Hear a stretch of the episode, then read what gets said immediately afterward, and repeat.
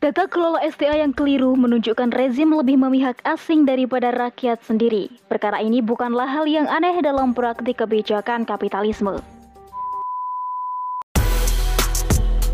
Mau tahu lebih lengkapnya? Yuk, stay tune terus di podcast Narasi Pos. Cerdas dalam literasi media, bijak menangkap peristiwa kunci. Hai sobat Narasi Pos, salam hangat dari saya, Devi Fitriana. Di episode kali ini, saya akan membahas rubrik opini. Selamat mendengarkan.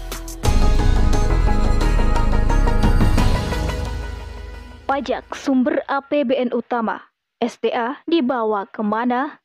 Oleh Anana Zaha.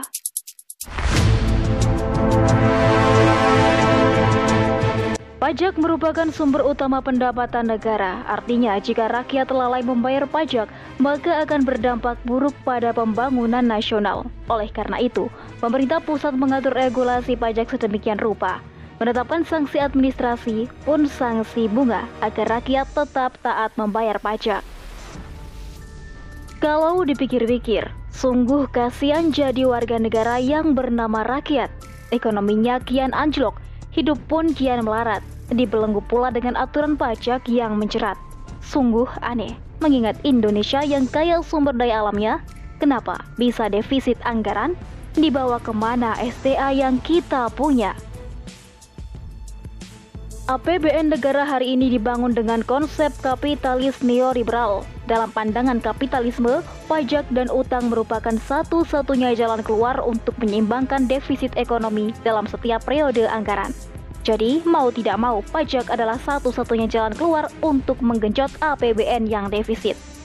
Selain itu, Alasan lain kenapa pajak harus menjadi sumber pendapatan utama disebabkan karena terputusnya akses negara untuk menikmati keberkahan STA yang melimpah.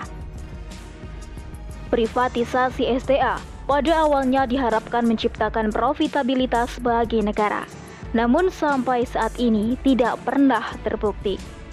Sistem kapitalisme memang membuka peluang asing untuk mengeksploitasi STA sebesar-besarnya sedang peran negara hanya sebagai regulator, menjamin STA milik rakyat untuk dikelola asing dan swasta.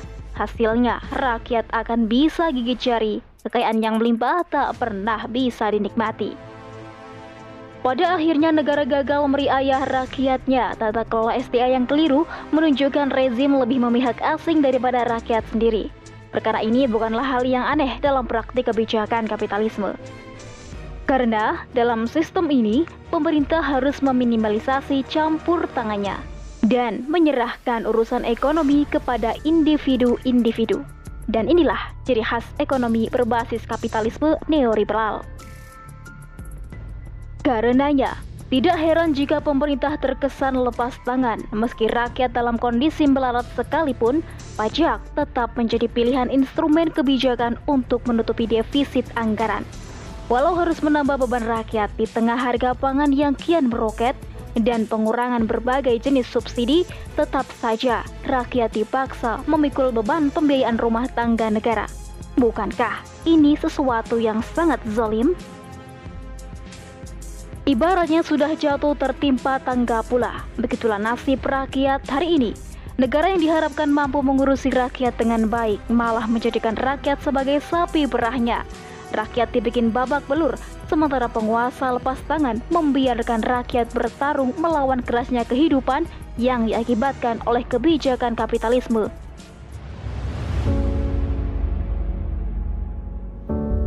Andai kita hidup dalam sistem Islam, tentunya tidak akan menderita seperti hari ini.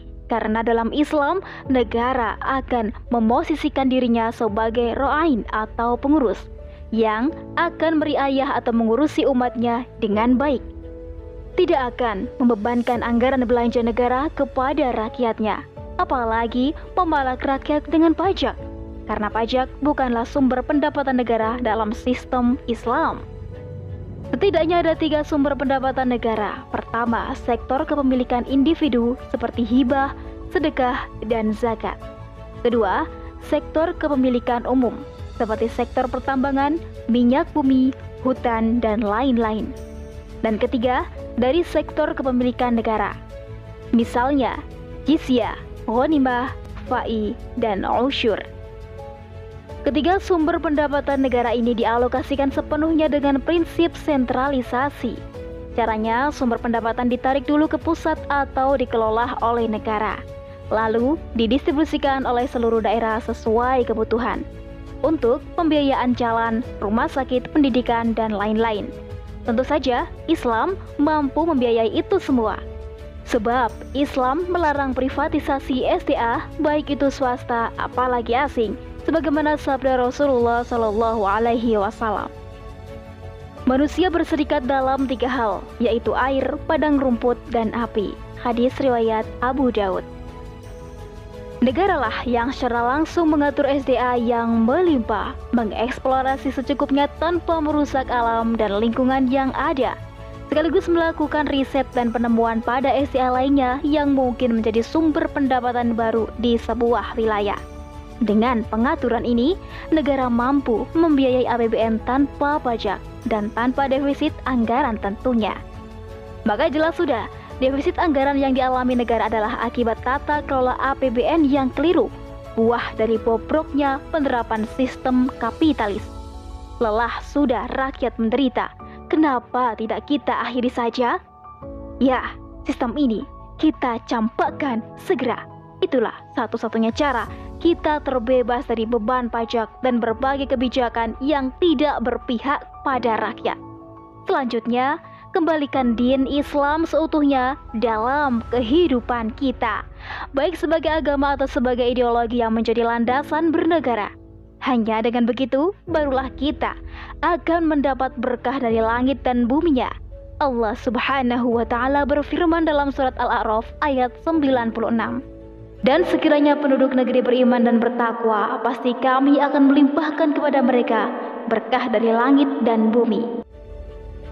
Wallahu alam bisawab.